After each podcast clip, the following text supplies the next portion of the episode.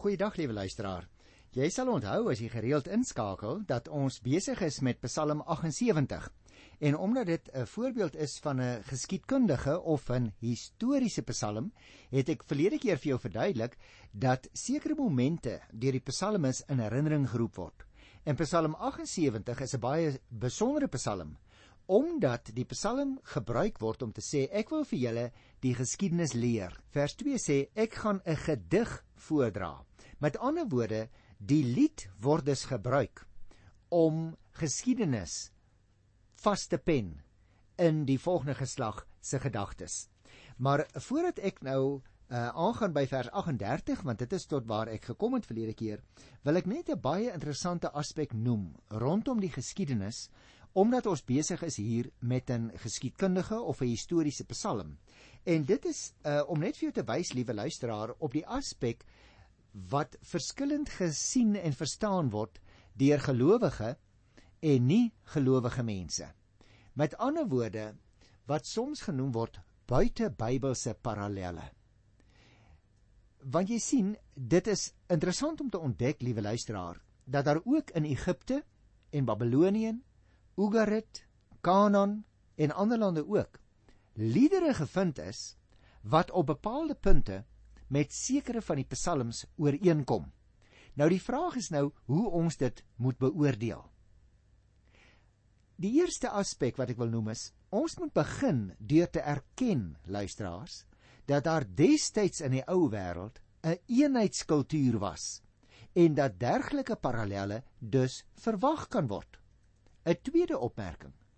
Ons moet en dis baie belangrik egter daarmee rekening hou dat daar afgesien van formele ooreenkomste 'n grondliggende verskil is wat samehang met Israel se geloof in die een ware God.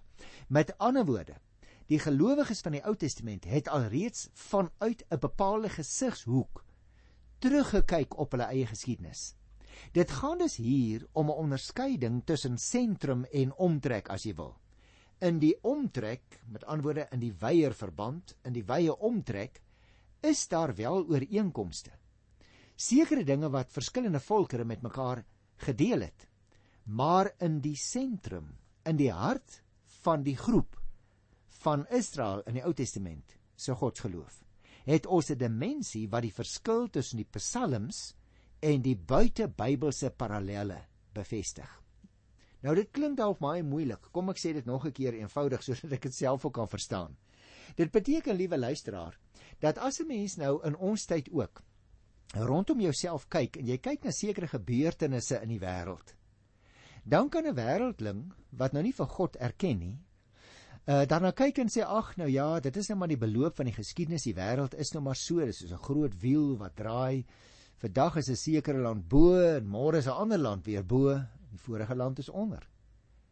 Maar vir jou vir my as gelowige mense wat die Bybel gebruik as ons norm en ons maatstaf wat vir ons help om ook sekere gebeurtenisse in die wêreld te interpreteer. Vir ons is dit dus belangrik om wanneer 'n bepaalde ding gebeur, vir onsself af te vra: Is die Here se hand nie op 'n bepaalde manier daarin om vir ons iets te leer nie?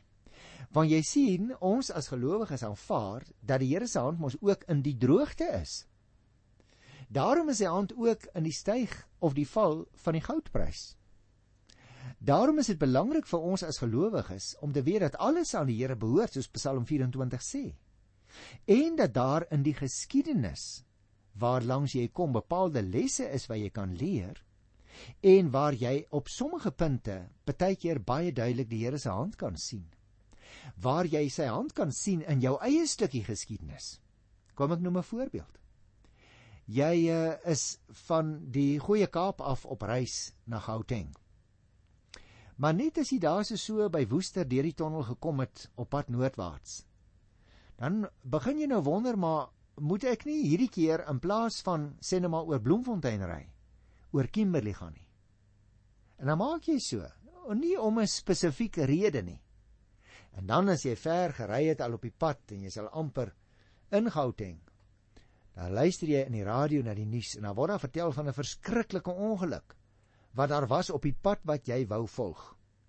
Nou kan jy vir jouself sê as jy wêreldling is, ag nou ja, die dinge gebeur maar. Maar jy en ek as gelowiges vra onsself ook af maar was die Here se hand nie dalk in hierdie situasie nie? Het die Here nie dalk 'n ongewone gedagte in my hart gelê om heeltemal 'n ander pad te ry as wat ek gewoonlik volg? En nou het ek dit gedoen. En nou bewyse van terugskouing kan ek sê, maar die Here se hand was op 'n besondere manier in my reis. Want jy sien, liewe luisteraar, as ons dit nie meer doen dat ons ook gebeurtenisse begin beoordeel in die lig van die Here se wil en sy bestuuring in ons lewens nie. Dan kan ons ons maar net sowel die Here heeltemal buite rekening laat. En daarom is dit belangrik om die Here se woord te hê. En Psalm 78 by name leer vir ons baie duidelik hoe dat die psalmdigter besig was om sekere stukke, sekere gebeurtenisse, sekere voorvalle uit die voorgeskiedenis van Oud-Israel in herinnering te roep en nou pertinent vir sy geesgenote, die mense wat saam met hom in die Here glo, te sê, "Kom, ek wil julle leer, want die Here se hand was in ons geskiedenis." En as 'n mens dit begin doen, dan kry jy soms moed vir die situasie waarop waarin jy op daardie stadium in die geskiedenis is. Nou maar goed, kom ek laat dit daar. Uh ek is nou by Psalm 78 en ek gaan die laaste paar perikope doen. Ek gaan dit bietjie vinniger doen want ek wil graag die Psalm klaarmaak vandag. Dit is nou eintlik die heel eerste keer dat ek uh Psalm in twee verdeel, maar omdat hier so baie dinge is waaruit ons kan leer. Die sewende perikoop kry mens in Psalm 78 vers 38 tot 50. So kom ek lees dit. Dit's 'n bietjie 'n lang perikoop, maar Maar die Here is genadig. Hy vergewe sonde. Hy wis sy volk nie uit nie. Dikwels het hy sy toorn bedwing en sy gramskap nie laat losbreek nie. Hy het daaraan gedink dat hulle maar mense is, wind wat verby waai en nie terugkom nie. Hoe dikwels was hulle in die woestyn opstandig teen hom en het hulle hom daar in die barre wêreld bedroef. Oor en oor het hulle God getart en het hulle optrede die heilige van Israel gegrief. Hulle het nie aan sy mag gedink nie aan die dag waarop hy hulle van die vyand verlos het nie. Hy het in Egipte sy magtige dade gedoen, sy wonders in die veld by Soan. Hy het hulle riviere in bloed verander, sodat hulle nie uit hulle waterstrome kon drink nie. Hy het hulle swerms muggies tussen hulle ingestuur wat nie opgehou het met byt nie, ook paddas, en die het die lewe vir hulle ondraaglik gemaak. Hy het hulle oes aan springkaan swerms gegee, die vrug van hulle arbeid laat afvreet. Hy het hulle wingerde deur die haal laat wegslaan, hulle willevye bome laat versuip. Hy het hulle vee aan die haal oorgegee, hulle kuddes aan die weerligstrale. Hy het hulle gloeiende toorn op hulle losgelaat, gramskap, woede, rampe, 'n hele vrag onheil. Hy het sy toring vrye loop gegee. Hulle lewens nie gespaar nie en hulle aan die pes uitgelewer. So jy sien liewe luisteraar, hier word baie duidelik gesê hoe dat die Here sy hand gehad het in Oud-Israel se geskiedenis. En hoe het dit gebeur? Byvoorbeeld in sprinkane muggies, in oeste wat misluk, in sprinkaan swerms, in haal wat die oes weggeslaan het. Die Here se hand was in dit alles. Nou as ons die Bybel aanvaar wat dit vir ons leer dat die Here se hand dus ook in die geskiedenis is, dan sal dit mos nou eintlik niks anders as stompsinnigheid wees om nie ook raak te sien dat die Here se hand vandag nog steeds in die loop van die geskiedenis is nie. Daarom het ek jou net nou gesê, ons moet ook as gelowiges, anders as 'n wêreldling, vir onsself afvra, wat wil die Here vir my leer deur sekere dinge? Want die Here bring ook inderdaad soms dinge oor 'n individu, oor 'n volk, oor 'n land met baie volkere om die mense van daardie gebied te laat afvra Maar wat is besig om te gebeur? En dan kom 'n mens soms agter op wat 'n wonderlike manier die Here sy hand in ons geskiedenis het, hoe dat hy vandag nog met ons praat deur die gebeure, ook op politieke terrein of op landboukundige gebied of deur die mynbou waar daar sekere dinge gebeur. Jy sien, die liewe Here ken die feilbaarheid en die swakheid en die kortstondigheid van die mens se lewe en hy was sy gelowiges genadig wanneer hulle gesondig het. Gaan kyk maar gerus in Eksodus 33 van die eerste vers af. En tog sê die psalmdigter hier, En tog het hulle die Here bly tart. Gaan kyk maar in Numeri 14 vers 22. Sy sien hoe dat die Here getart het. In Egipte het hulle byvoorbeeld sy mag gesien veral op die dag toe hulle verlos is. Dit staan ook hier in vers 42. In vers 12 is byvoorbeeld net verwys na die magtige dade in Egipte. Nou hier van vers 4, 44 tot by 51 word die pla volledig vermeld. Of skoon nie in dieselfde volgorde soos ons dit kry in Eksodus 7 van die 14de vers af tot uh, by die 10de vers van Eksodus 11 nie. Nie in dieselfde volgorde nie, maar dit maak nie saak nie. Die bedoeling is dat die digter blykbaar meer vryheid as die historikus het, want die tiental pla word op 'n effens ander manier beskrywe as in Eksodus. Hoekom? Onthou, ons het te make met poëtiese materiaal. Daarom moet ons nou nie die verskille te mekaar gaan neerskrywe en sê maar die Bybel is nie waar nie wat hier bots die weergawe is. Die een is 'n historiese weergawe in Eksodus. Die ander hier in Psalm 78 is 'n poëtiese weergawe en daarom verskil dit wat die detail weergawe punte betref. Die pla word dan ook hier beskryf as dade van God se gloeiende toren, gramskap, woede, rampe, 'n hele vrag onheil, so word dit genoem, wat oor Egipte gekom het. Hulle is dus ook maar mense net soos jy en ek. En die Here is ons genadig ten spyte van ons. Hy vergewe ons ons sondes. So lees ons dit ook in Psalm uh, 78 waarmee ons besig hier is in vers 38 en 39 baie duidelik. Nou dit bring ons by die volgende perikoop. Dit is die 8ste perikoop hier in Psalm 78 en dit strek van vers 51 tot 58. God het al die eersgeborenes van die Egiptenaars getref, die eerstelinge in die wonings van Gam. Maar sy eie volk het hy uitgelei en hulle soos 'n kudde skape deur die woestyn laat trek. Vir hulle het hy veilig gelei en hulle was nie bang nie maar hulle vyande, die is deur die see oorweldig. Hy het sy volk gebring na die gebied wat hy afgesonder het, na die bergland wat hy deur sy mag verower het. Hy het nasies voor sy volk uitverdryf en aan sy volke land as besitting gegee. Hy het daardie nasies se woonplekke aan die stamme van Israel gegee. Maar hulle het God die Allerhoogste getart en teen hom in opstand gekom. Hulle was nie aan sy gebooie gehoorsaam nie. Net soos hulle voorvaders was hulle afvallig ontrou, so vals soos 'n onbetroubare wapen. Hulle het hom vertoren met hulle afgodsdiens op die hoogtes en hom uitgetart met hulle gesneede beelde. Nou wil ek amper vir jou vra, liewe luisteraar, as mens nou na hierdie agste pedikoop kyk, hoe dat die Here vir hulle goed was ten spyte van hulle eie ontrou en na die tyd het hulle weer afvallig geword. Ek wil graag vir jou net 'n vraag vra. Ek wil nie sê dit is so nie, maar jy kan gerus hieroor dink. Onthou jy nog voordat daar 'n regeringswisseling hier in Suid-Afrika plaasgevind het? Hoe dit al baie verskillende politieke partye was en baie standpunte en natuurlik ook daarna en dit is reg so. Maar as jy ons nou vandag daarop terugdink, liewe luisteraars, kan julle onthou hoe na ons eintlik was byna aan 'n soort van 'n burgeroorlog? Daar was al die potensiaal dat die kruitvat op daardie stadium in ons geskiedenis hier aan die suidpunt van Afrika kon ontplof. En baie van ons het gebid dat die Here vir ons sal deurhelp. En uiteindelik het daar 'n oplossing gekom. Ek wil my nie uitlaat oor is dit goed, is dit 'n verkeerde oplossing gewees, want ek is nie 'n politikus nie. Maar die bedenking wat ek tog het is, het ons genoegsaam na die tyd vir die Here dankie gesê? Of het ons onmiddellik daarna weer begin met ons ou materialisme? weer elkeen begin kyk, hoeveel kan ons bymekaar maak? Hoe het ons weer ontrou geword aan ons toewyding? Hoe het ons weer begin om ons gebedslewe af te skeep? Nou jy sien, dit is die soort goed wat hierdie psalmis wil uitwys.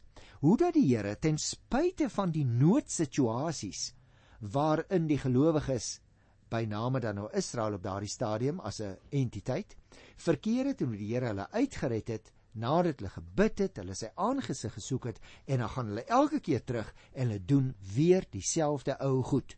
En so het hulle geskiedenis homself begin herhaal dat hulle as gelowiges 'n oppervlakkige godsdiens ontwikkel het. maar elke keer teruggekom het na die Here toe. Jy kan gaan kyk in Hosea want daardie profeet praat ook daarvan. Hy sê julle godsdiens is maar soos 'n môre wolkie. Dit verdwyn net so vinnig. Julle toewyding duur 'n oomblik, maar julle ontrou, o, oh, dit gaan sommer weer 'n lang tyd aan.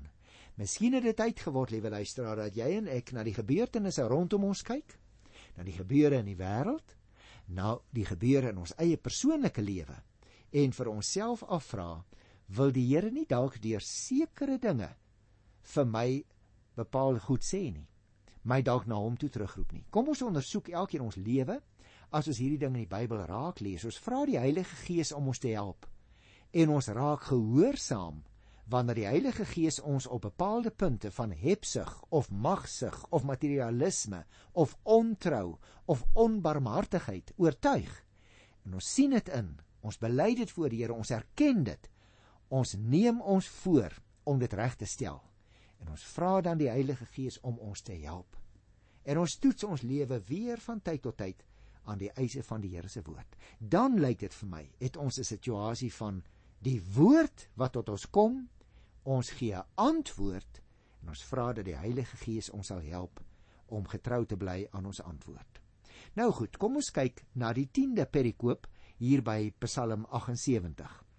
Ek lees dit eers. Dit is vers 59 tot 64. Toe God dit sien, het hy kwaad geword na Israel verwerp. Hy het die tabernakel in Silo verwoes, die tent waarin hy onder die mense gewoon het. Hy het die volk wat hy deur sy mag verower het in ballingskap weggestuur. Sy uitverkore volk in die mag van die vyand gegee. Hy het sy volk aan die swaard oorgegee, kwaad geword vir die wat aan hom behoort. Die jong manne het in die vuur omgekom. Daar's nie meer huweliksliedere vir die jong meisies gesing nie. Die priesters het deur die swaard gesterf. Die weduwees het nie kans gekry om hulle mans te begrawe nie. Jy sien, verskillende dinge word genoem wat die Here gedoen het as 'n straf ten einde mense na hom toe terug te roep. Maar hulle het telkens weer teruggeval in hulle ou weë. Is dit nie dalk met jou ook waar nie, liewe luisteraar? Wie is ek hierdie Psalm lees? dan wil dit my nie wegjaag van die Here af nie, dan roep dit my juis terug na hom toe, omdat ek agterkom hoe ver ek afdwaal op sekere punte. Want as ons dit nie raak lees tussen die reëls van die boek nie, liewe luisteraar, dan kan ons maar net sowel mos net die Bybel los. Goed, kom ons kyk nou na perikoop nommer 11 in Psalm 78 vers 65 en 66. Daarna het die Here weer ingegryp. Dit was asof hy geslaap het soos iemand wat in 'n roes was en nou wakker geword het. Hy het sy vyande teruggedryf en hulle vir altyd 'n eerlose neerlaag laat laat lê. Nou luisteraar, as jy hier kyk na die beskrywing, dis asof die Here geslaap het soos iemand wat in 'n roes was en nou wakker geword het. Dan lyk dit jo, dis daarom 'n baie wille menslike beskrywing van die Here, nie waar nie? Maar onthou, ons het te make met poëtiese materiaal. Die Here word hier geteken as 'n persoon wat so bietjie afwesig was. En die ouens het al meer ontrou geword. En nou is dit asof die Here skielik ontwaak. So dis 'n voorstelling. Dit is nie letterlik om te sê so het die Here ingesluimer en nie kennis geneem nie. Daarom moet jy en ek ook wanneer ons skielik in 'n oomblik ontdek, maar ek is dan nou besig om lelik te gly, ek is eintlik besig met sonde. Nie dadelik sê Ooh, maar die Here het my vergeet. Kyk hoe laat hy my afdwaal. Nee, dit kan ek nie sê nie. Ek moet vir myself sê, kyk hoe ontrou het ek geword. En kyk hoe getrou is die Here dat hy deur sy woord dit nog al die pad vir my gesê het, maar ek was ongehoorsaam. Dat ek dus weer met belydenis van sonde teruggaan na die Here toe en hom vra om my deur sy gees by te staan en te help. Kom ons kyk na perikoop nommer 12 hier in Psalm 78. Dit is vers 67 tot 69. Die Here het die geslag van Josef verwerpend en die stam Efraim gekies. Hy het die stam Juda verkies, Sion se berg wat hy liefhet. Hy het sy heiligdom hemelhoog gebou en dit soos die aarde vir altyd vas laat staan. Nou dis 'n interessante weergawe wat ons hier het, want jy sien die stam Juda sê vers 68 is verkies. Hoekom? Om die lyding te neem. En die Sionsberg wat hier vermeld word as die plek vir sy tempel wat deur Salomo gebou is. 1 Konings 6 kry jy daardie uh, gebeurtenis van hoe dit plaasvind het. Nou kies die Here dus Juda in die plek van Efraim. Nou ons kan dit nou baie ingewikkeld maak, liewe luisteraar. Maar ek sou sê kort gesê, dit kom daarop neer dat ten spyte van hoe mense optree, ook ten spyte van die ontrou van oud Israel, het hy uit hulle 'n groep gekies om verder die pad met hulle te loop. Net so is dit met jou en met my. Ten spyte van ons ontrou, God het vir ons gekies in Christus. En daarom moet ons elke keer wanneer ons afdwaal en ongehoorsaam raak en sonde doen, dit aan die voete van die Here Jesus bely en terugkom na die Here toe. Want as ons dit nie doen nie, broer en suster, dan mag dit dalk op die lange duur blyk dat ons geloof in die Here maar 'n skyngeloof was dat ons nooit regtig tot bekering gekom het nie. Dat ons nie God regtig eerste stel ons lewe nie en dat ons nie sy woord as die maatstaf vir ons lewe toepas op ons lewe sodat ons kan optree soos wat die Here van ons verwag nie. Daarom is bekering herhaalde bekering so nodig in ons lewe net soos wat dit was in oud Israel se lewe. Kom ons doen die laaste perikoop, dit is perikoop 13 van Psalm 78 en ons kry dit in vers 70 tot 72. Die Here het Dawid as sy dienaar gekies en hom van die skaapkrale af weggeneem. Agter die lammeroë het hy hom weggehaal om sy volk Jakob, sy eiendom Israel te versorg. Dawid het die volk met toewyding versorg en hulle met oorleg gelei. Jy sal onthou ek het toe ons begin met Psalm 78 in die vorige program vir jou gesê dit gee 'n kort oorsig, 'n breë oorsig van Israel se geskiedenis tot en met Dawid. Nou kan ons sê o ja, hier eindig dit nou met Dawid, maar Dawid was hom ook baie ontrou. En tog, liewe luisteraar, ten spyte van Dawid en sy ontrou, lees ons dat die Here sy hand op hierdie man se lewe gelê het. En dat hierdie man nadat hy ook afgedwaal het en met berou na sy egbreek met Batsheba na die Here teruggekom het dat hy mag sê in vers 72 Dawid het die volk met toewyding versorg en hulle met oorleg gelei. Dit is dus belangrik dat ons sal raak sien. Die digter laat val die klem op die roeping van Dawid. Gaan kyk maar 1 Samuel 16 nou volgens die digter was Dawid 'n goeie koning hier in vers 72. En daaruit blyk natuurlik die trou van die Here teenoor hierdie man. Dit vertel nie hoe goed was hy nie.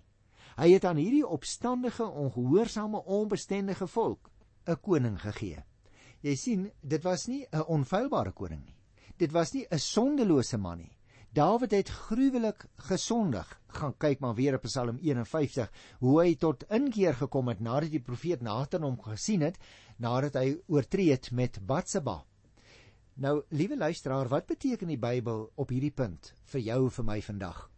Ek dink die Bybel wil vir ons deur Psalm 78 ook sê, kyk so 'n bietjie terug in die geskiedenis van die groep waaraan jy behoort. O, daar was sekerlik baie glyplekke en baie donker plekke in jou groep se geskiedenis, jou en my groep. Maar daar was ook oomblikke wat ons regtig in oorgawe die Here gedien het. En dan het ons weer teruggesak en ongehoorsaam geraak en ten spyte daarvan het die Here ons weer opgelig. En so kan elke een van ons wat in die Here glo, ook in ons persoonlike situasie hiervan getuig. Daar's tye wat ek er naby die vuur sit, wat ek regtig in oorgawe en getrouheid die Here dien, in ootmoed onder leiding van sy Heilige Gees die Here Jesus volg. En dan is daar tye wat ek optree asof ek nog nooit die evangelie gehoor het nie. Wie jy wat? God bly getrou. Miskien is jy op hierdie stadium van jou lewe dat jy vandag oor die radio of as jy na die CD luister, op daardie punt in jou lewe dat die Here jou deur vandag se program wil terugroep na hom toe. Hoor sy roepstem dan. Kom in ootmoed tot skuldbelydenis en staan op en lei die nuwe lewe. Ek groet jou in die wonderlike naam van Jesus Christus die Here. Tot volgende keer. Tot dan. Totsiens.